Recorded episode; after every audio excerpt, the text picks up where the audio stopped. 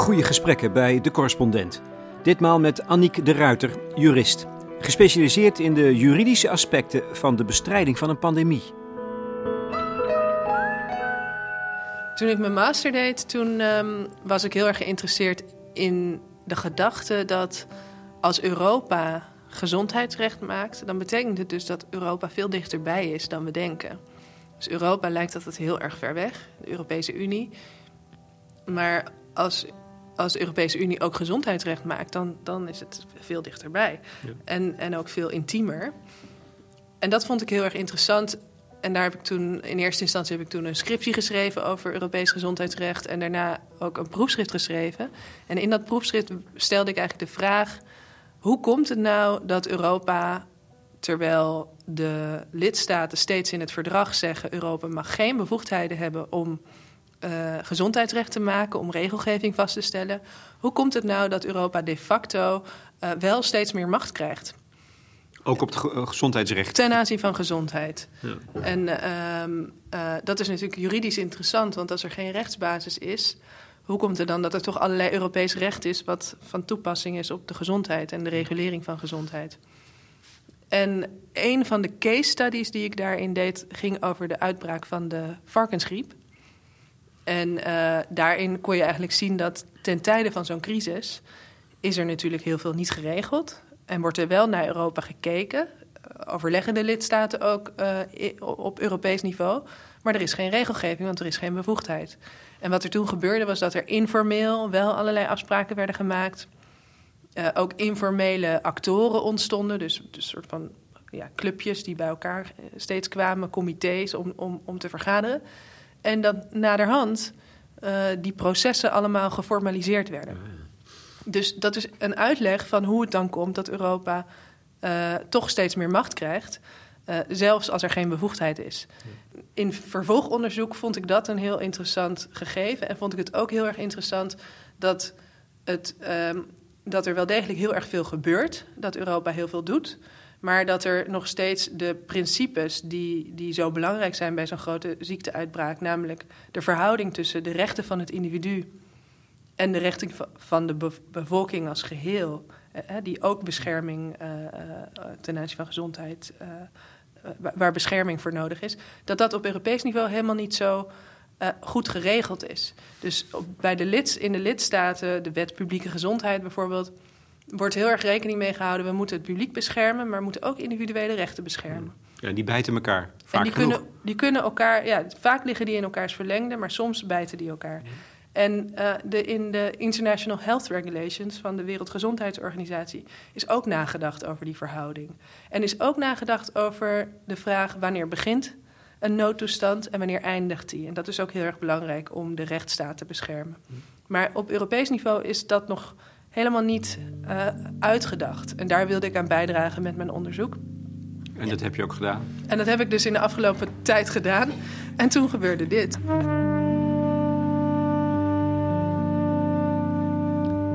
Ja, enige ironie zit er wel in. Toen Annick de Ruiter begon met haar proefschrift, reageerden mensen met sepsis. Wie zit daar nou op te wachten? Je gaat een boek schrijven dat zal verstoffen op de planken van bibliotheken. Nou, niet dus. Wij zitten goed met Annick de Ruiter, die expert is in de juridische en grondwettelijke kanten van een noodtoestand, de bestrijding van een pandemie. Ze is hoofddocent aan de Universiteit van Amsterdam, uh, net terug uit Amerika, waar ze haar onderzoek aan de befaamde Harvard Universiteit moest afbreken vanwege de coronacrisis. We zitten in de bestuurskamer van de rechtenfaculteit, aan een meterslange tafel, er is genoeg afstand. Aan de wand portretten van decanen, allemaal mannen, en één vrouw. Daar wijst ze fijntjes op. Ze is ook directeur van het Clara Wigman Bureau, maar dat is een ander verhaal. Ik ben gewapend met vragen van leden van de correspondent. Ik, ze werden mij toegestuurd door andere juristen. Die zeiden: Ik heb hier wel antwoorden op. Heel erg leuk. Oh, oh, ja? Ja, ja, ja. Hedwig den Herder. Die uh, uh, zei ook dat ze, dat ze, als er nog andere vragen, vragen waren, dat ze dan bij de comments, dat ze ook nog mensen kon beantwoorden als jurist. Perfect. Genoeg steun dus. Steun in de rug. De vragen laten zich in twee groepen verdelen: binnenlands en buitenlands. Dat we zeggen over de grondwet en het Europees recht. Ze zijn zeer verschillend van aard, van algemeen en fundamenteel tot uiterst praktisch en concreet. Ik heb ze een beetje onderverdeeld in categorieën, maar dat hoor je vanzelf. Dit lijkt mij wel een goede om mee te beginnen. Telt de grondwet niet meer als je een pandemie moet bestrijden? Um, jawel. Um, maar um, het is wel zo dat de rechten die je normaal hebt, uh, dat die ten tijde van een grote gezondheidscrisis wat eerder aan de kant kunnen worden gezet. Dus bijvoorbeeld het recht op. Uh, wij hebben in het Nederlands, Nederlandse grondwet staat het recht op uh, de bescherming van de integriteit van het menselijk lichaam. Hè, dat geeft je eigenlijk de mogelijkheid om te zeggen: kom niet aan me. Uh, ja, als er een, een, dat recht is niet absoluut. Dus als er een grote ziekteuitbraak is, dan kan het zo zijn dat dat recht. Ook al wil je niet in quarantaine, ook al wil je niet dat, er, dat je lichaam wordt onderzocht, dat je dat toch moet uh, gedogen. Dat moet. En waar staat dat dan? Dat... staat in de wet publieke gezondheid. Dat er dus een mogelijkheid is om mensen te dwingen. En die gaat dan voor de grondwet even? Ja. Ja, dat klopt. Dus dat betekent dat die, uh, dat je die, dat die rechten kunnen, dat dat recht kan worden ingeperkt. Uh, maar het recht op bijvoorbeeld lichamelijke integriteit, hè, wat dat eigenlijk is, is nog steeds beschermenswaardig. Het is niet zo dat autoriteiten alles maar kunnen doen er moet alles aan gedaan worden om die rechten te blijven beschermen, ook ten tijde van een ziekteuitbraak. Maar uh, ja, het, uh, er zijn dus situaties waarin iemand. Ja, meestal werken mensen daar gewoon aan mee. Maar als je daar dus niet aan mee wil werken, ja, dan kan het zo zijn dat je gedwongen wordt. Ja. Maar jij zei eerder. Um, geldt de grondwet nou niet ja. hè, bij zo'n noodtoestand? En dat kan wel een benadering zijn. Het is wel zo dat je eigenlijk twee benaderingen hebt. Als er een echte noodtoestand is, kan je of zeggen: alle rechten die we hebben, die schuiven we even opzij. We hebben wel een regel die zegt: vanaf nu zitten we in een noodtoestand. En er is een regel die zegt de wanneer de noodtoestand weer ophoudt. Maar in die tussentijd zit er een soort juridisch vacuüm waarin er geen recht is. En waarin de machthebbers op dat moment, dus dat is dan de regering eigenlijk alles kunnen doen om uh, de pandemie te bestrijden. Ja. En dat, is een, dat heet een state of exception. Dat is een constitutionele benadering. Okay. Zitten we daar nu in? Nee, want in Nederland hebben we gekozen voor de andere benadering. Dat is de tweede benadering. En dat is dat je in een state of emergency zit. En dat betekent eigenlijk, we creëren geen juridisch vacuüm, maar we creëren speciale regels die alleen van toepassing worden als er een noodtoestand is. En dat is eigenlijk de benadering die ten aanzien van gezondheid over het algemeen uh, is gekozen, ook in Europa, omdat, dat, um, uh, omdat gezondheidsnoodtoestanden vaker voorkomen dan heel veel andere noodtoestanden. Ja. En dat is eigenlijk onze wet publieke gezondheid, die geactiveerd, waarbij bepaalde artikelen geactiveerd worden uh, als er een als er zo'n soort noodtoestand is. Dus wij hebben dat op die manier ook constitutioneel geregeld. En wat is dan het verschil tussen die twee benaderingen? Als, eh, voor mij als burger, ja. hoe, kan ik, hoe voel ik dat? Waar merk ik dat dan aan? Nou, het is eigenlijk een, alle twee een manier om onze rechtsstaat te beschermen. Dus wat je wil is dat als er een noodtoestand is, dat het niet zo is dat. Kijk, dan gooi je een beetje het kind met het badwater weg. Dat ja. kan. Dus dat je. We gaan alles doen om de noodtoestand te bestrijden. En als we eruit komen, hebben we geen rechtsstaat meer over. Er zijn allerlei individuele rechten geschonden. En komen we in een situatie van een soort van rechteloosheid. Dit is natuurlijk een heel abstract, hypothetisch geval. Maar het is wel, wel degelijk zo dat.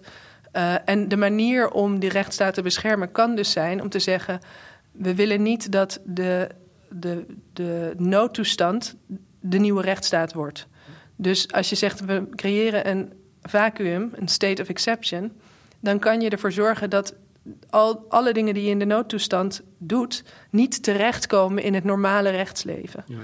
En als je een, een emergency, een state of emergency hebt, dus je hebt speciale regels voor de noodtoestand, dan kan je ervoor zorgen van alleen in een noodtoestand maken we gebruik van die regels. Maar zodra het weer is opgehouden, uh, dan, um, uh, dan, dan kunnen we die regels ook niet meer gebruiken. Bij die tweede benadering wordt wel vaak gezegd dat de kans dat de noodtoestand, dat de regels en de dingen die worden gedaan in het gewone rechtsleven gaan lekken, groter is. Dus uh, dat, is, ja, dat is een beetje een discussie onder juristen. Maar je hebt dat wel, bijvoorbeeld in Europa heb ik dat dus wel gezien. Dat de noodtoestand daar worden dingen gedaan in de praktijk, die iedereen ook wil op dat moment, maar die vervolgens daarna wel de, de basis creëren voor nieuwe regels. Dus in, dat is wel het geval waarin de noodtoestand het nieuwe normaal wordt. kun je daar een voorbeeld van geven? Het gaat dus niet over vandaag, maar over wat je eerder hebt gezien. Ja, precies. Ehm, eh, bijvoorbeeld institutionele manieren van samenwerking, waarin allerlei informatie werd gedeeld. Dat, is, dat heet op Europees niveau de Health Security Committee.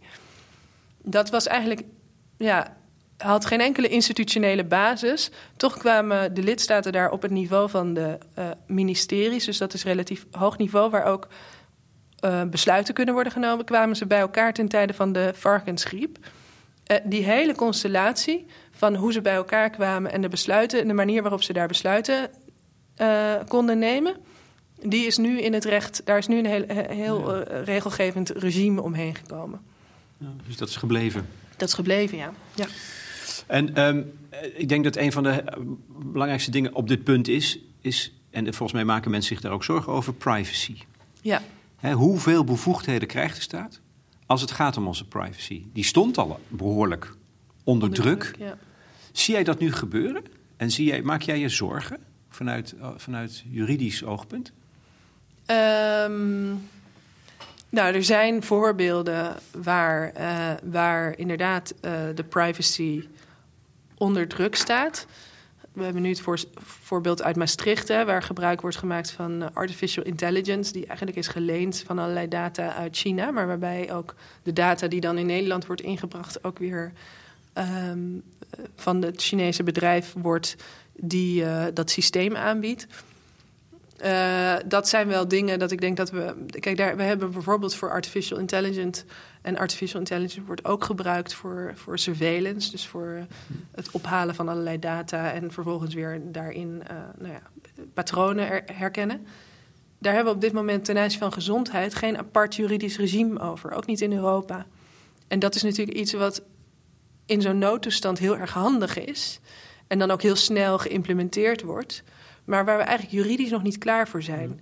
En, um... dat kan ook niet. We, zijn, we, zijn, we, kunnen daar niet klaar voor zijn nu, althans. Dat is nu het geval. En we moeten handelen. We moeten handelen. Dus je ja. moet het doen, denk ja, ik. Ja, zeker. Er is, er is, het is sowieso ook vanuit het Europese recht zo, de, de, de gegevensbeschermingsregels, is het zo dat er een uitzondering is voor, voor, uh, publieke, voor, voor public health, voor volksgezondheid. Uh, en dat betekent bijvoorbeeld dat uh, als hier iemand ziek is, dat al die gegevens en ook de gegevens van met wie jij allemaal in contact bent geweest, dat die allemaal door heel Europa ook worden gedeeld. Dus al die lidstaten delen ook die data met elkaar. Dat is, dat is een uitzondering die, die, al, die al een tijdje in die regelgeving staat. Um, maar wat nu natuurlijk heel erg actueel is, omdat het gewoon heel erg veel zal gebeuren. Ja. Dat is gelijkertijd, tegelijkertijd ook weer het voordeel van die Europese samenwerking. Dat al die volksgezondheidsinstellingen dat weten. Waar zitten de brandhaarden? En vervolgens, met wie hebben die patiënten allemaal contact gehad? En is dat ook met onze burgers? Dus dat is ook de reden waarom bijvoorbeeld Zwitserland uh, heel erg graag bij dat Europese systeem wil. Uh, uh, terwijl het natuurlijk geen lid is van de Europese Unie, omdat ze graag die, die gegevens willen hebben, maar ze mogen niet meedoen omdat ze zich niet houden aan de Europese regels voor uh, persoons- of databescherming. Ik, ik, ik, hoorde via de radio een bericht over Taiwan. Die zijn zwaar getroffen door de SARS in de tijd. En hebben daarna dus een, een plan getrokken, wat onder andere inhoudt dat burgers via het mobiele telefoonverkeer eh, eh, gevolgd worden. Dus op het moment dat die pandemie deze uitbrak, hebben ze iedereen een kaart weten te houden. Ja. En dat schijnt enorm goed te helpen. Maar je, je, je bent een grens overgegaan. Ja, zeker weten. En dat is dus precies waarom het recht zo belangrijk is. Uh, het, kijk, de, een van de belangrijkste functies van het recht is om, om macht te binden aan regels. Ja. En zo'n noodtoestand is, dat is precies wat zo'n noodtoestand doet is die, die, die breekt eigenlijk die, die banden. Iedereen wil plotseling dat er van alles wordt gedaan. En iedereen vindt dat ook acceptabel. Maar wat blijft er over na afloop? En hebben we dan nog wel dezelfde bescherming als die we daarvoor hadden? En dat is de grote opdracht aan de beleidsmakers en aan de politici. Maar ook aan ons als burgers om daar ontzettend alert op te zijn. Want ik wil dat niet. Ik wil niet dat al mijn. Uh, ja, dat begrijp ik. Maar ja. hoe kan je dat voorkomen? Wat is daarvoor nodig? Want je zegt wel, nu moeten we het doen. Nu moeten we handelen. Er moet van alles Ja, gebeuren. ja. Je moet het even, even loslaten. Ja, Ehm, en je moet dus ook zorgen dat dat straks weer hersteld wordt. Maar hoe voorkom je dat dat niet gebeurt? Of hoe zorg je ervoor dat dat ook inderdaad wel gebeurt? Ja, dus door die, door die regels die wij nu hebben, uh, heel erg strak te handhaven. We hebben nu uh, be de bescherming van persoonsgegevens. Ja. Um, uh, we, we, moeten het dus niet toelaten dat er allerlei uitzonderingen op worden gemaakt. en bijvoorbeeld als het gaat om die databescherming, zeker als het gaat om, om medische gegevens, daar moet gewoon een juridisch regime voor komen wat we nu nog niet hebben. Um, maar het is inderdaad zo dat we dus als rechtsstaat ons veel beter, veel weerbaarder moeten zijn om met dit soort, om dit soort schokken eigenlijk met elkaar te verduren. Want dit gaat ook niet de laatste pandemie zijn.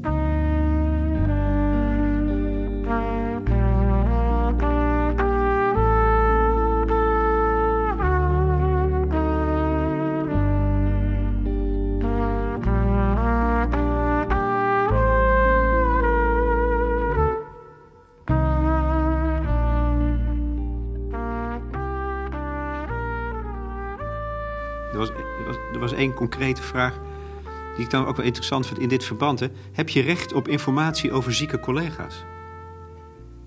Heb je daar recht op? Um, nou, in principe niet, denk ik.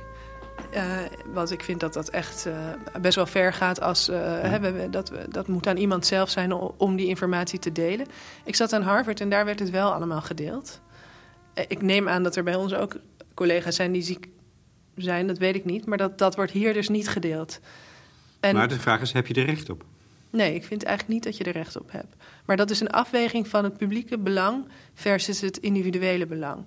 En um, uh, er zijn op dit moment allerlei regels om afstand te houden van elkaar. Ja. En er zijn allerlei maatregelen genomen om de verspreiding te voorkomen. Als een collega ziek is en deze persoon weet het, dan zullen ze al geïsoleerd zijn. Dus wat heb jij er nou eigenlijk nog voor belang bij om dat dan te weten? Hm. Er is geen, op dat moment geen publiek belang. Kijk, die individuele rechten die kunnen, uh, die kunnen natuurlijk beperkt worden op het moment dat dat een publiek belang dient, wat groter is, wat daaraan, wat daaraan overstijgend is. In dit geval denk ik dat dat, dat, dat niet, uh, niet het geval zal zijn. Een andere, al, al een beetje in, Europees, in Europese richting. Mag de EU providers onder druk zetten om locatiegegevens van abonnees te leveren? Ik vind het is makkelijker als het de, de Nederlandse overheid is. Ja. De ja. Europa weet ik niet of die daar de Maar de, de, de, ik kan okay. de vraag anders formuleren. Kan de Nederlandse overheid nu providers onder druk zetten om gegevens uh, van abonnees te, te, te, te, leveren? Ik denk het wel, ja. Dat mag dus onder die, die, die, die, speciale bepalingen. Ik denk dat dat op dit moment wel zou kunnen, door middel van een noodverordening bijvoorbeeld. Ja, nou ja. Zover gaat dat dus? Ja. Mag de politie tot in de huiskamer komen om regels te handhaven? Als, als je ziet in een huiskamer, er zijn te veel mensen bij elkaar, te dicht op elkaar. Ja. Mogen ze dan binnenkomen? Uh, ja, in principe wel. Kijk, nee, in principe niet. Kijk, in principe heb je natuurlijk het recht op, op, op je familieleven en je privéleven. Ja. Uh, maar op het moment dat, kijk, als jij in je huiskamer um, uh, pakjes cocaïne aan het inpakken bent, dan mag de politie ook binnenkomen. En als we met elkaar een afspraak hebben gemaakt, we moeten ervoor zorgen dat we dit virus niet verspreiden, dan, mm, dan moet je dat natuurlijk ook niet binnenshuis doen. Hmm. Dus uh, uh, als je daar een flink feest gaat geven, en bovendien, wat is dan je huis? Als we de rij vol zetten, ja. ja, dus nee, dat, dat tuurlijk kan ja. de politie daar een einde aan maken. Een buitengewoon schrijnend verhaal is van iemand die. Um, vertelde dat een familielid ging sterven, een oudere. Hmm. Waarschijnlijk niet vanwege corona, maar door andere dingen. Ziekte, ouderdom. Maar omdat ze bang waren dat het corona was en het kon niet getest worden, mocht de familie er niet bij zijn. Misschien één keer een hand drukken. Ja, ja. Heel kort afscheid nemen, want dat zijn de regels. Ja. Het protocol plus regels zoals het verpleeghuis in dit geval ze interpreteerden. Wat natuurlijk ongelooflijk schrijnend is. Ja. En verdrietig en moeilijk. Hoe, hoe, sta je daar als jurist tegenover? Ja, het is, kijk, in de volksgezondheid en in de gezondheidszorg is het telkens weer ook een afweging van het publieke belang ten opzichte van het belang van het individu. Uh, zo zie je bijvoorbeeld dat uh, ook het recht op toegang tot gezondheidszorg is niet absoluut. Er is altijd een afweging van um, iedereen moet toegang hebben. Dus we moeten een klein beetje met elkaar delen. Dat kan soms ook een kwestie van ransoneren zijn. En de toegang van het individu, dus jouw individuele aanspraken. In dit geval is zo'n regel er natuurlijk voor om de andere mensen die ook in dat, hmm. in dat verzorgingstehuis zijn, ook te beschermen. En dat is ontzettend pijnlijk. Maar dat kan in heel veel, gevallen, heel veel gevallen ontzettend pijnlijk zijn. Uh, um, denk maar aan een, um, aan een kankerpatiënt die een bepaalde experimentele behandeling niet kan krijgen omdat het niet vergoed wordt. Dat gezondheidsrecht zit vol met deze dilemma's. Waarbij dus je als individu soms uh, ja, uh, slachtoffer wordt. Het is niet echt slachtoffer, maar in elk geval die solidariteit vereist dat je dus soms uh, als individu daar het nakijken hebt.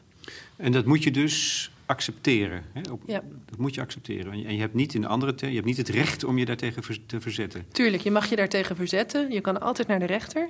Ja. Om maar toege... op, de, op natuurlijk een beetje lastig omdat de rechtspraak ook stil ligt. Ja, en het, en het gaat om iemand die, die aan het sterven is. Klopt, maar voor, heel, voor spoedeisende situaties kan je oh, nog steeds naar de rechter op dit moment. Um, uh, maar het is een ontzettende schrijnende situatie. Maar het is wel degelijk de situatie waar we in zitten. En ik vind het ook terecht. Dus ik vind ook, uh, uh, ik vind het, hoe pijnlijk het ook is. En ik, ik kan me, ja, dat, ja, ja. Dat, dat, is gewoon, dat is echt ja. heel erg. Maar ik denk toch dat het terecht is, omdat uiteindelijk heeft iedereen recht om op zo gezond mogelijk te blijven. En moeten we dat met elkaar op de een of andere manier daar allemaal ons steentje aan bijdragen. En in dit geval, en vaak is het zo, heel vaak is het zo dat je dan, dat je dan um, dat het niet eerlijk is. Dus dat het voor de een wat erger is dan ja. voor de ander. In ieder geval voelt het zo. Ja. ja. Maar de rechter zal het algemene belang, het gemeenschappelijke belang, laten prevaleren boven het individuele belang, denk jij? In, in deze specifieke casus denk ja. ik van wel, ja. Ja, dat maakt het niet eenvoudig, denk ik. Iemand anders vroeg, uh, het ging over haar dochter volgens mij, mag een psychiatrisch patiënt van 16 naar huis gestuurd worden als ze besmet is? Uh, ja, dat, dat is vergelijkbaar, denk ik. Dat is vergelijkbaar, alleen denk ik dat iemand wel recht houdt op toegang tot zorg. Dus het geval van de patiënt die aan het overlijden is, ja. die krijgt gewoon zorg. Die wordt gewoon verzorgd in, dat, in die instelling. Hoe, hoe sumier dan ook. Hoe sumier dan ook. Maar in het geval dat iemand corona heeft, maar ook behandeld wordt voor een psychiatrische aandoening. Uh, en iemand wordt naar huis gestuurd, dan betekent dus dat ten aanzien van die psychiatrische aandoening uh, iemand geen zorg meer krijgt. En uh, daarvan zou ik zeggen: nee, iemand moet verzorgd worden in een situatie, dus moet worden overgeplaatst naar een situatie waarin ze zowel verzorgd kunnen worden ten aanzien van het coronavirus, maar ook ten aanzien van de psychiatrische aandoening. Want dat kan ook uh, levensgevaar opleveren. Dus ik denk dat dat een andere casus is. Ja. Dus, dus daar had die instelling, denk je, veel minder het recht om dat te doen? Dan moeten ze iemand overplaatsen. Als, dat, als iemand echt een gevaar oplevert voor zichzelf of voor de samenleving vanwege een psychiatrische aandoening en ook uh, uh, verzorgd moet worden, dan moeten ze iemand overplaatsen naar, naar een locatie waar dat mogelijk is. Ja. Heel concreet, mag je een coronatest afdwingen om bij een bevalling te kunnen zijn? Hm. Het, is echt, ja, zo, zo precies wordt het dan natuurlijk. Hè? Ja. Stel maar dat je vrouw nu aan het bevallen is en je weet zelf niet of je ziek bent geweest. Of, ja, nou ja je kan het uh, schetsen. Ja, het is echt, het is, ja. Dat is gruw, ook dat is natuurlijk... Ja, het is ontzettend naar. Het is natuurlijk niks belangrijker. Het is echt een, een live event, zo'n zo'n bevalling. Ja. Um, ik denk het niet. Ik denk dus dat, uh, dat er, er is schaarste ten aanzien van die testen. En dat betekent dat, uh, uh, dat er een medische inschatting moet worden gemaakt wie op dit moment het meest recht daartoe heeft. Wat, en als het zo is, dat wordt bepaald dat iemand um, dat er, geen, dat er onvoldoende testen zijn, ja. om, dan, dan zal het zo zijn dat, je, dat er een mogelijkheid bestaat dat iemand die test niet krijgt. En dus ook niet bij de bevalling kan zijn als die bevalling in het ziekenhuis plaatsvindt. Ja, opnieuw ja. pijnlijk. Opnieuw dat gemeenschappelijke. Dat is eigenlijk de, de belangrijkste. Steeds, is steeds hetzelfde. Hè? En al die gevallen die zal, dat, zal dat het geval zijn. Dus dan kun je het eigenlijk ook wel zelf uittekenen, vaak, denk ik. Ja, vaak wel. Alleen het is dus niet zo dat in alle gevallen het individu het aflegt tegenover de gemeente, gemeenschap. Want dat is juist ook het mooie van het recht. Het recht is er juist ook voor, de, voor het individu. Om het individu te beschermen tegen die druk, die dat, ja. die, tegen de gemeenschap en alles wat daarmee te maken heeft. Alleen bij, bij het eerlijk delen, solidariteitsgebeuren, zal het eerder zo zijn. En zeker in dit soort, hè, de beschikbaarheid van, uh, van testen, dan zal het zo zijn dat je waarschijnlijk het aflegt. Ja, dat is wel de indruk die ik van jou krijg ook. Ja. dat het toch die kant op gaat. Ook al verdedig je natuurlijk het recht, maar... Nee, maar kijk, ten aanzien van die opneming in zo'n uh, instelling voor uh, een psychiatrische aandoening, denk ik wel dat je het kan afdwingen. Uh, het is wel zo dat patiënten toegang houden tot zorg. Of denk aan de casus waarbij um, bijvoorbeeld een gezondheids, dus een, een gezondheidsprofessional, dus een dokter of een, of, een, of een verpleegkundige zegt: Ik wil geen patiënten behandelen met het, die het coronavirus hebben.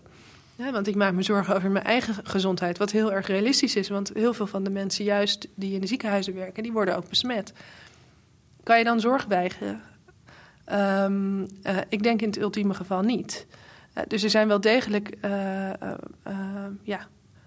ehm, ja, het is een kwestie van individuele offers. maar het is ook wel zo dat er wel ook individuele rechten zijn. Maar het is elke keer, elke keer die balans en die belangenafweging net zo pijnlijk is waar we naartoe schijnen te gaan. Als het gaat om de beschikbaarheid van uh, intensive care. Um, artsen verwachten dat de limiet bereikt wordt. Hm. En dat ze dan keuzes moeten gaan maken. Ja. Het heet triage. Ja. dat je besluit sommige patiënten niet op te nemen op de intensive care, andere wel. Mm -hmm. Is daar een wettelijke basis voor? Het lijkt me sowieso een, een huiveringwekkend dilemma voor artsen. Ja. Um, hoe werkt dat in de praktijk? Als je het omdraait en je verplaatst naar een patiënt die afgewezen wordt, heb je dan nog rechten om daartegen te protesteren bijvoorbeeld? Uh, in het uitgangspunt in de zorg is iedereen heeft recht op zorg. Um, het is wel zo dat artsen een, uh, met elkaar de professionele standaard bepalen. En dat betekent dat, ze ook, dat er een professionele autonomie is om te bepalen wanneer is zorg zinvol. Uh, over het algemeen kan je dus bijvoorbeeld in het geval dat een arts niet wil, uh, de zorg niet wil leveren omdat ze uh, bang zijn om zelf het virus te krijgen, dan denk ik dat je dat wel af kan dwingen, dat je dan de zorg kan afdwingen. Maar in dit geval is het weer wederom weer die kwestie van het individu ten opzichte van de gemeenschap. En dan is het ook in de autonomie van de, van de artsen, van de, de, vaststelling van de professionele standaard, om te zeggen dit is zinvolle zorg. Dit is wat we kunnen leveren, gezien de omstandigheden. En deze zorg kunnen we niet leveren. Het is ook zo, eh, nog steeds zo dat er uh, mensen bij wie de behandeling met chemotherapie niet langer als zinvol wordt beschouwd, dat er tegen mensen wordt gezegd van joh. Hmm. Uh, hè? En hetzelfde geldt voor, voor mensen die op een gegeven moment aan de beademing liggen. Of die, dat er op een gegeven moment wordt gezegd van nou, zullen we er maar mee ophouden. En dan vertrouw je de professionaliteit van de arts. Ja, dat, nou ja, vaak. Er zijn natuurlijk gevallen, individuele casus, waarin uh, mensen dan toch naar de rechter gaan ja. om het af te dwingen. Winnen ze het dan? Um, soms, maar heel vaak ook niet. Ja. Zit natuurlijk, we hebben natuurlijk voor heel veel van dit soort gevallen ook medisch-ethische commissies. Ja. Dus het is, de, het is het recht het is ook uh, de ethiek die, uh, die heel erg in de praktijk... Ja, op een gegeven moment is het linksom of rechtsom. En uh, kan je niet meer middelen. Met beleid maken en zo kan je allerlei dingen grijs en open laten. En, maar als het eenmaal op de, op de grond komt... dan is het op een gegeven moment een kwestie van leven en dood.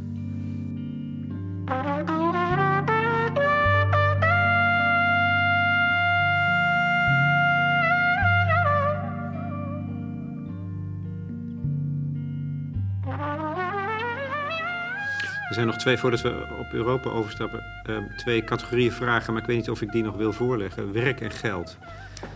Ik weet niet of je dat belangrijk vindt. Uh, ja, op zich wel. Ja. uh, die hele werk de Arbo-wetgeving. kun je verplicht worden vakantiedagen op te nemen? Als je minder werkt, minder oh, ja. uren per dag werkt. Weet je toch, als je, na de vragen die we net behandeld hebben, lijken dit van die prozaïsche vragen, maar ook, ja, ook concreet en belangrijk. Ja, zeker. Uh, ja, ik zit helemaal niet in die arbo-wetgeving, maar ik ga er niet vanuit. Ik ga er niet vanuit dat, er, dat je als werknemer kan zeggen van er moet iemand van de arbo langskomen in mijn, uh, in mijn uh, zolderkamer om mijn stoel goed af te stellen. Ja. Dus dit niet, is gewoon nee. een uitzondering. Ja. Maar dit is even gewoon. En die vakantie daar? Gedwongen worden om vakantiedagen op te nemen. Ik denk dat dat gebeurt namelijk voor vanuit bedrijven. De druk opvoeren om dat soort dingen te doen.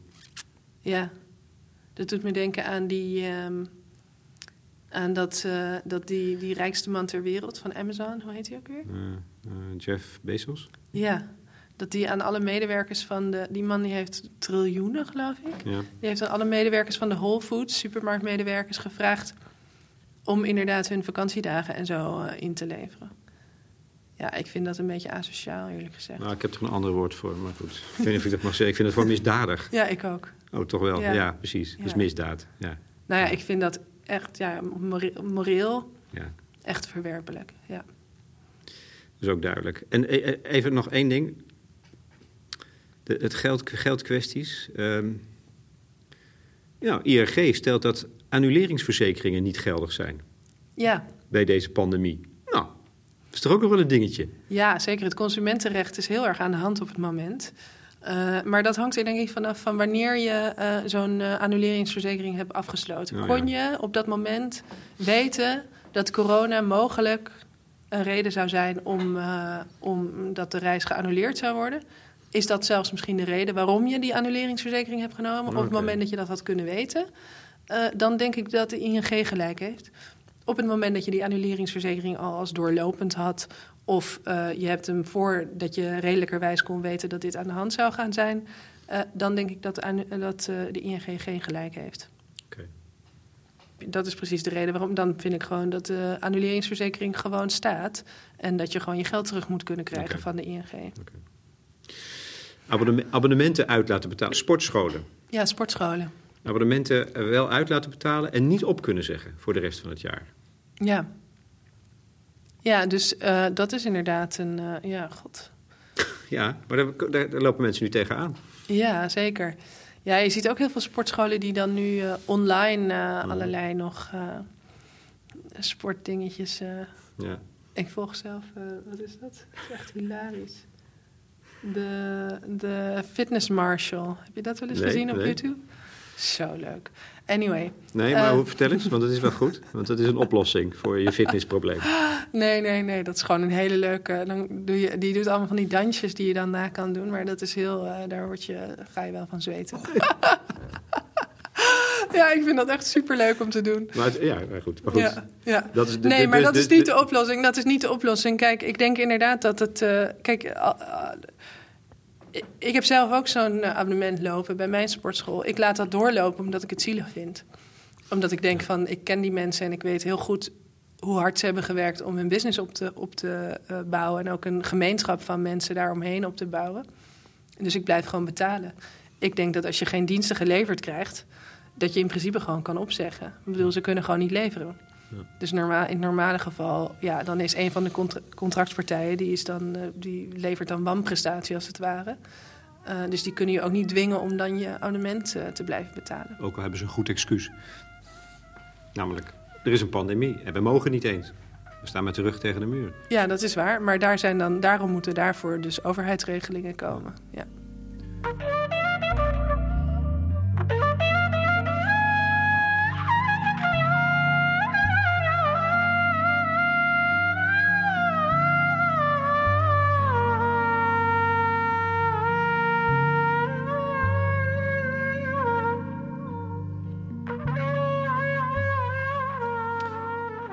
Tweede ronde van dit gesprek met Annick de Ruiter over de pandemie en het recht. We verlaten Nederland, betrekken Europa er nu bij en tenslotte zometeen ook nog de hele wereld. Ze is een groot voorstander als het gaat om gezondheid en het recht op gezondheid om samen te werken in Europees verband. Is dat zo? Eh, Als je ja zegt, vraag ik waarom. Ja, nou nee, niet zomaar. Nee, nee, niet, niet, ik zou niet zo volmondig ja zeggen. Nee. Ik vind eigenlijk dat er op het moment redelijk gemakkelijk door mensen die daar niet heel lang over na hebben gedacht, wordt gezegd: laten we alles centraliseren, alle macht naar Europa.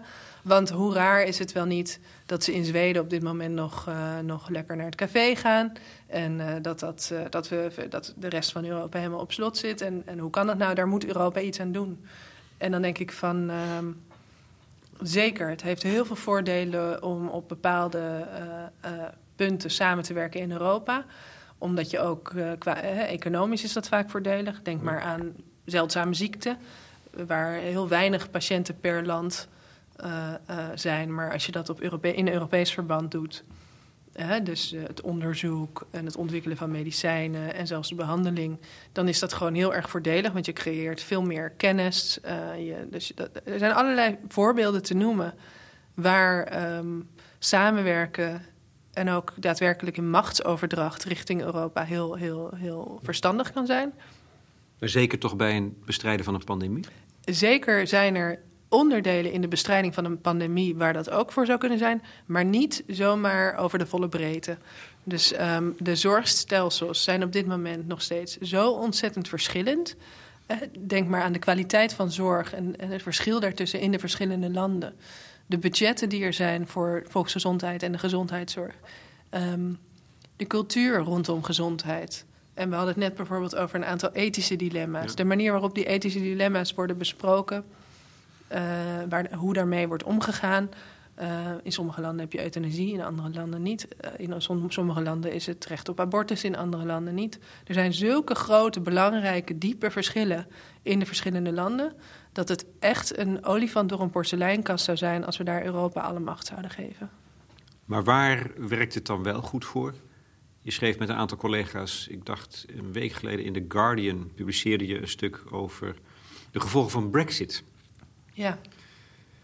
En dat is pijnlijk voor de Britten, omdat ze bijvoorbeeld bij de, toch, zo begreep ik het, bij de ontwikkeling van vaccins ja. buitenspel staan. Ja, klopt. Ja, dus er zijn inderdaad voorbeelden. Ik denk dus het inkopen van pandemische vaccins is echt iets, en dat is wel heel erg veel geld. Maar toch denk ik dat het heel erg handig is om dat op Europees niveau te doen. Het creëren van stockpiles, van, van um, voorraden voor uh, uh, de medische uh, beademingsapparatuur, mondkapjes, Precies. allemaal centraal inkopen. Ik denk van wel, omdat het um, um, dat heeft ook weer met schaal te maken. En kijk, een pandemie is natuurlijk niet de gangbare zorg. Dus het is ook iets, de, als het gebeurt, is het enorm ingrijpend en heb je heel veel spullen nodig. Maar uh, het is ook heel erg duur om al die spullen maar de tijd te hebben klaar liggen, terwijl je ze niet gebruikt. Dus dan is het heel zinvol om te zeggen: we leggen ze op één plek klaar. En op het moment dat ze nodig zijn, zetten we ze daarin waar ze nodig zijn. Um, de Britten, uh, die hebben zichzelf buiten dat systeem geplaatst. Ook buiten het hele systeem van dat ze weten wie er uh, een, een virusdrager is. En met wie die persoon dan allerlei contact. Dus ook alle informatie die wordt gedeeld in Europa, daar hebben ze geen toegang meer toe. Um, maar ook de, de inkoop, de gezamenlijke inkoop, die dus na de varkensgriep uh, is ontstaan. Waar dus, omdat er tijdens de varkensgriep was het zo dat er natuurlijk een aantal landen hadden alle vaccins voor heel Europa opgekocht. Waardoor andere landen helemaal niks meer hadden. Daar is toen een systeem voor, voor ontstaan, van vrijwillige gezamenlijke inkoop. Daar, uh, daar, viel, daar valt Engeland nu buiten nu heeft de Europese Commissie uit een soort van handreiking toch nog gezegd: joh, Engeland, als jullie dan toch mee willen doen, dat mag. Um, en nu heeft uh, Johnson heeft gezegd dat hij de e-mail heeft gemist. Dat hij niet wist dat Europa die handreiking had Zo, gedaan. de knetter. Dus nou stonden we weer in The Guardian met een aantal vingerwijzingen van... het kan niet zo zijn dat hij het niet geweten heeft. Ja. Uh, want er, waren, er was meer dan alleen een e-mail. Ja. Waarom, wat zou zijn belang zijn om te doen alsof hij dat niet gezien heeft? Ja, ze zijn natuurlijk ook bezig toch op de, op de achtergrond... Uh, is er natuurlijk toch de onderhandelingen over ja. Brexit. Dus uh, op het moment dat blijkt dat hij Europa nodig heeft... dan ondermijnt dat zijn onderhandelpositie. Nou ja, zijn eigen bevolking die is nu bang dat ze achter het net gaan vissen... Um, dus moet hij doen, denk ik, alsof hij dat aanbod niet heeft gezien.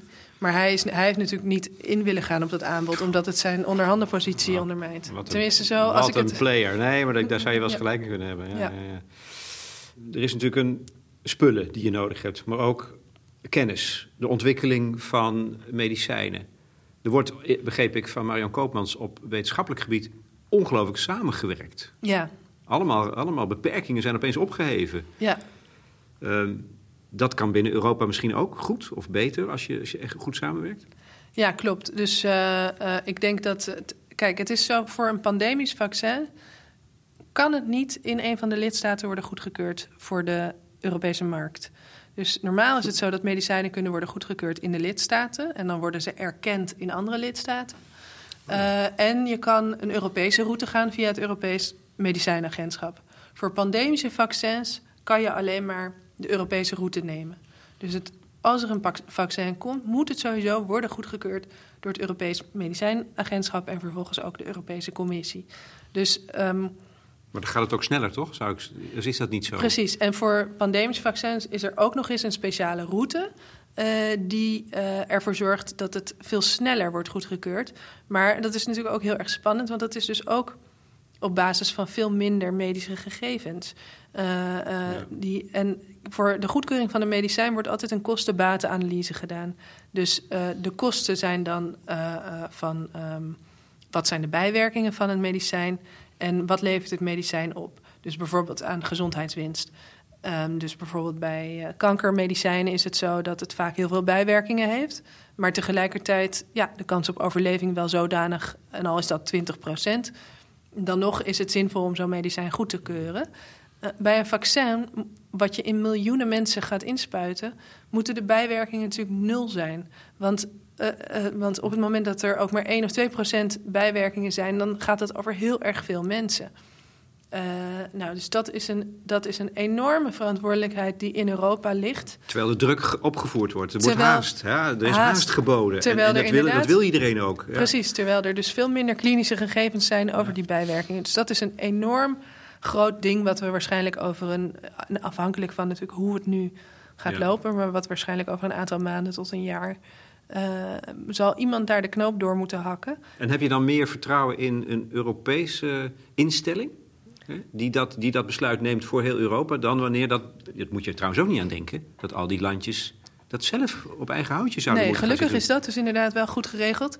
Nee, ik heb dan echt uh, meer vertrouwen in het Europese medicijnagentschap. En met name ook het feit dat de beste mensen uit alle lidstaten daar bij elkaar zitten. Dus je hebt daar echt alle expertise gecentraliseerd om deze afweging goed te maken. Ja. Dus dat, uh, nee, daar heb ik echt wel dus meer vertrouwen. Ja, eigenlijk best wel fijn, ja.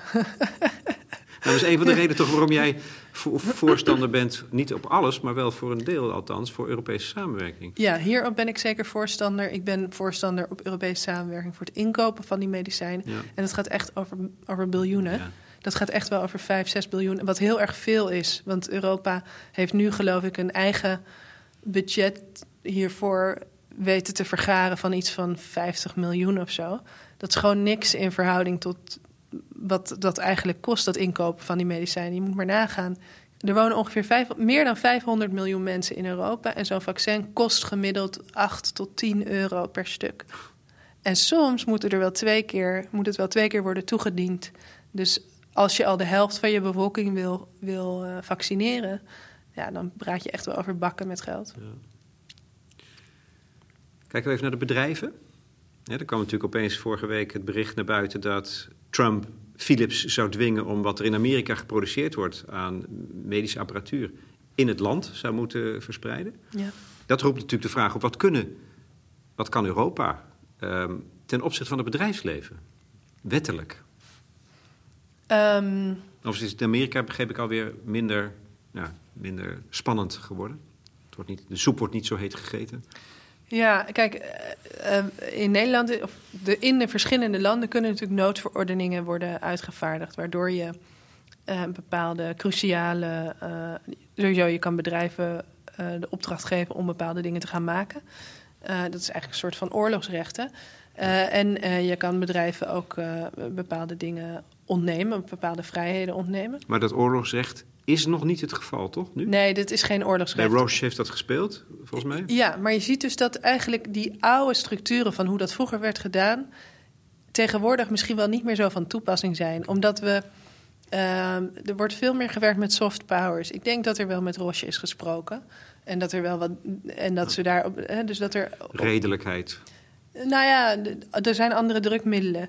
Uh, kijk, in het geval van Philips kan je natuurlijk. Die, die markt is zo internationaal als uh, bepaalde hulpmiddelen die, die Philips nodig heeft voor het creëren van die apparatuur, als die in als die ergens anders aanwezig zijn en je daar de markt dichtgooit, dan kunnen ze die apparatuur alsnog niet maken. Dus je kan, er zijn andere afhankelijkheden. De wereld is toch wat dat betreft heel erg veranderd. En daar kunnen overheden ook gebruik van maken, zonder dat je gelijk zo'n zo'n paardenmiddel inzet als allerlei noodverordeningen. En dat is bij Roche denk je ook gebeurd. Tuurlijk, ja. ja. Duidelijk. Um, want dat was een concrete vraag. Hè. Kunnen farmaceutische bedrijven verplicht worden hun procedures voor het maken van geneesmiddelen prijs te geven? Dat, dat, dat moeten ze sowieso doen op het moment dat ze een, een marketingautorisatie willen hebben. Dus dan ze moeten ja. um, prijsgeven.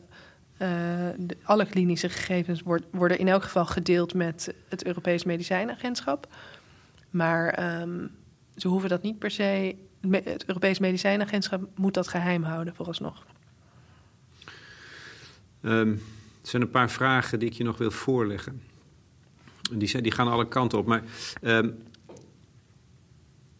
ik denk dat een van de belangrijkste dingen. Uh, uh, iemand wijst op uh, de Israëlische geschiedkundige Harari. Die pleit ergens, ik weet even nu niet uit mijn hoofd waar, voor empowerment van burgers en globale solidariteit. Ja.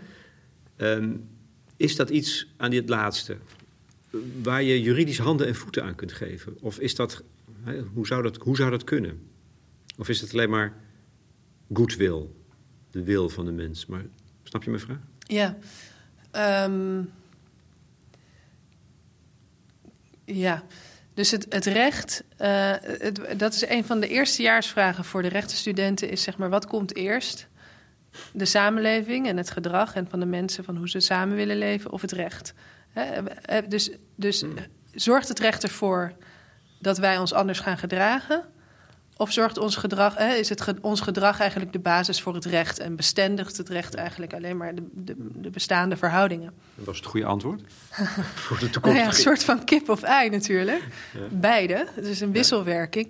En uh, we hebben natuurlijk bijvoorbeeld de uh, Wereldgezondheidsorganisatie, waarin wel degelijk solidariteit staat is gereguleerd. Er staat dat we elkaar moeten helpen. We hebben allerlei verdragen waarin staat dat we elkaar moeten helpen en dat we één, dat we één zijn als wereld en als mensen, als, als bevolking van de wereld. Maar in de praktijk zien we natuurlijk uh, wat er gebeurt. En ik denk dat, dat, dat we het recht niet moeten overschatten daarin. Uh, ik denk niet dat we dat, dat we dat kunnen afdwingen. Als het recht, zeg maar. Hmm als we afdwingbare regels maken die ook, waar ook zeg maar wat, wat um, power achter komt te zitten, dus dat je ook sancties hebt en zo, dan zou je dat misschien kunnen afdwingen. Maar vooralsnog zijn die regels niet zo geformuleerd, nog dat er systemen zijn waarin de afdwingbaarheid zodanig is, is geregeld, of althans uh, ja, ook met echte macht wordt bestendigd, dat ik denk dat dat afdwingbaar is. Ik denk wel dat het noodzakelijk is. Ik denk wel dat het is waar we heen moeten als wereld. Ja. Ik denk dat alles zo met elkaar verbonden is op dit moment. Uh, we hebben natuurlijk de, we hebben niet langer beschikking alleen maar over. Uh, in Nederland hebben we niet voldoende, hebben we trouwens al heel lang niet in Nederland. De productiemiddelen in Nederland en alles wat we. Uh, we zijn totaal afhankelijk van het buitenland en wat daar gebeurt.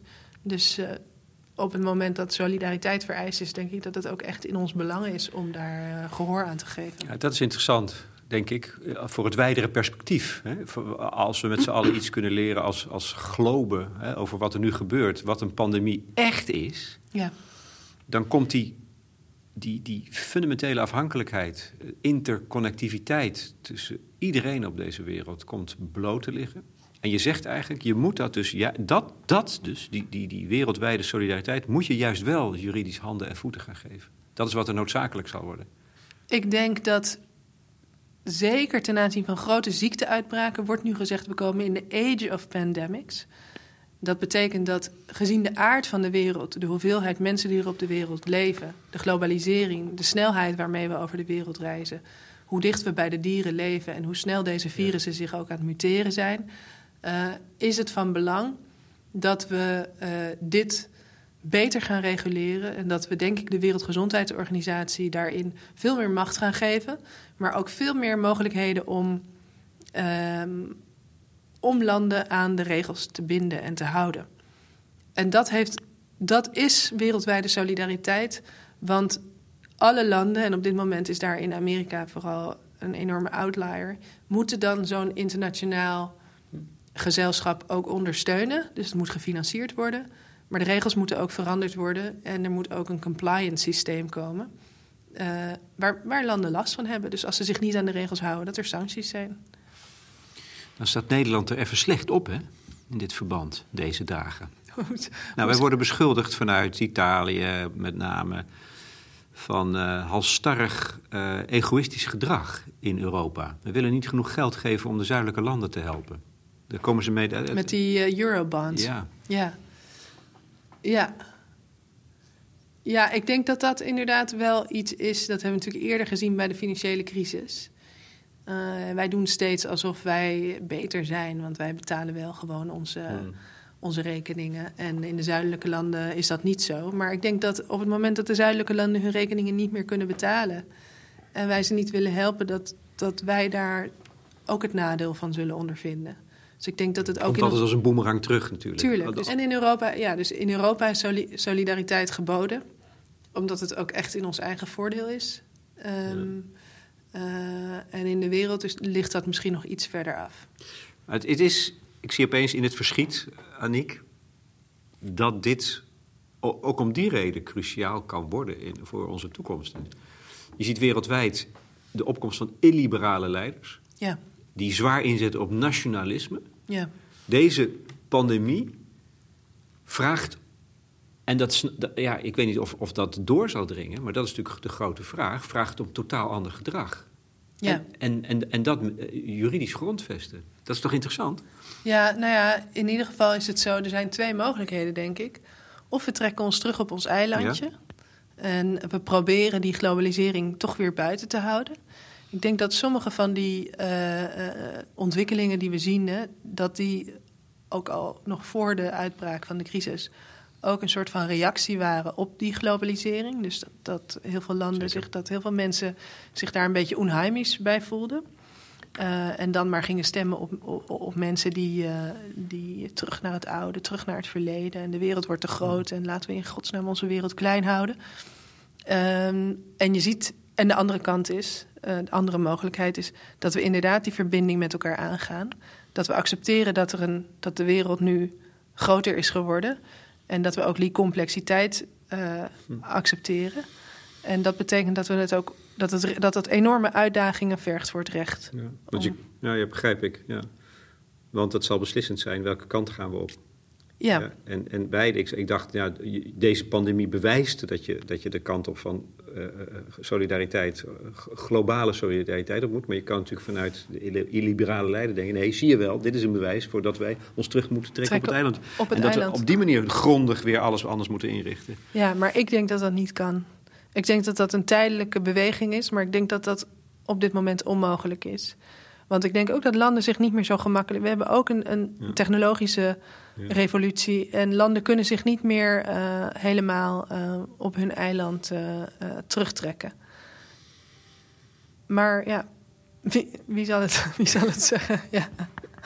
Als het gaat over solidariteit, de vraag kwam voorbij: wie bewaakt de rechten van vluchtelingen in vluchtelingenkampen? Ja, dat is echt een verschrikking. Dat is echt een verschrikking. De, de vraag is nog concreet: hè? wie bewaakt de rechten? Is is, wordt daar nog over gewaakt eigenlijk door iemand? Nou, in principe zijn er natuurlijk een aantal rechtszaken geweest. die ook voor het Europese Hof van Justitie zijn geweest. Of ook voor het Europese Hof voor de Rechten van de Mens. Uh, dus er zijn organisaties die procederen voor de mensen die daar zitten. Maar uh, niemand waakt op dit moment over de rechten van mensen in vluchtelingenkampen, is mijn gevoel.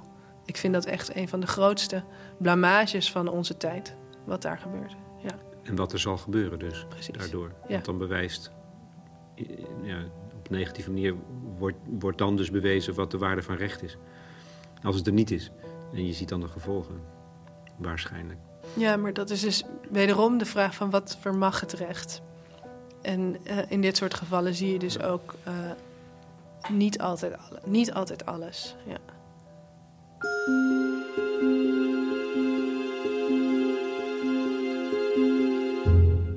Aniek de Ruiter, hoofddocent aan de Universiteit van Amsterdam, in gesprek met Lex Bolmeijer voor de correspondent. Het kan goed zijn dat dit nieuwe vragen oproept of dat belangrijke kwesties zijn blijven liggen. Gelukkig is er op het platform van de correspondent de mogelijkheid om door te praten. Aniek de Ruiter is bereid om in te gaan op jullie reacties en ze krijgt hulp van collega's zoals de genoemde Hedwig den Herde. Verder bouwen we een dossier op over de coronacrisis met zoveel mogelijk solide informatie. En daar werken we dagelijks aan. De muziek tenslotte, ah, voor de liefhebbers, was van trompetist Ibrahim Malouf. Het nummer Beirut, een persoonlijke favoriet van Annick de Ruiter.